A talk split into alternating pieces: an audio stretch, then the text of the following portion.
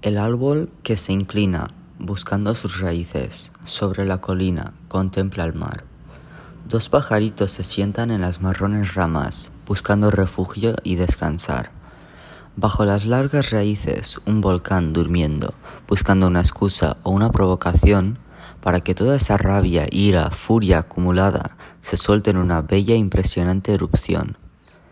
Alrededor de la isla, destrucción por todas partes, y una vez azul, el mar pintado de negro y gris.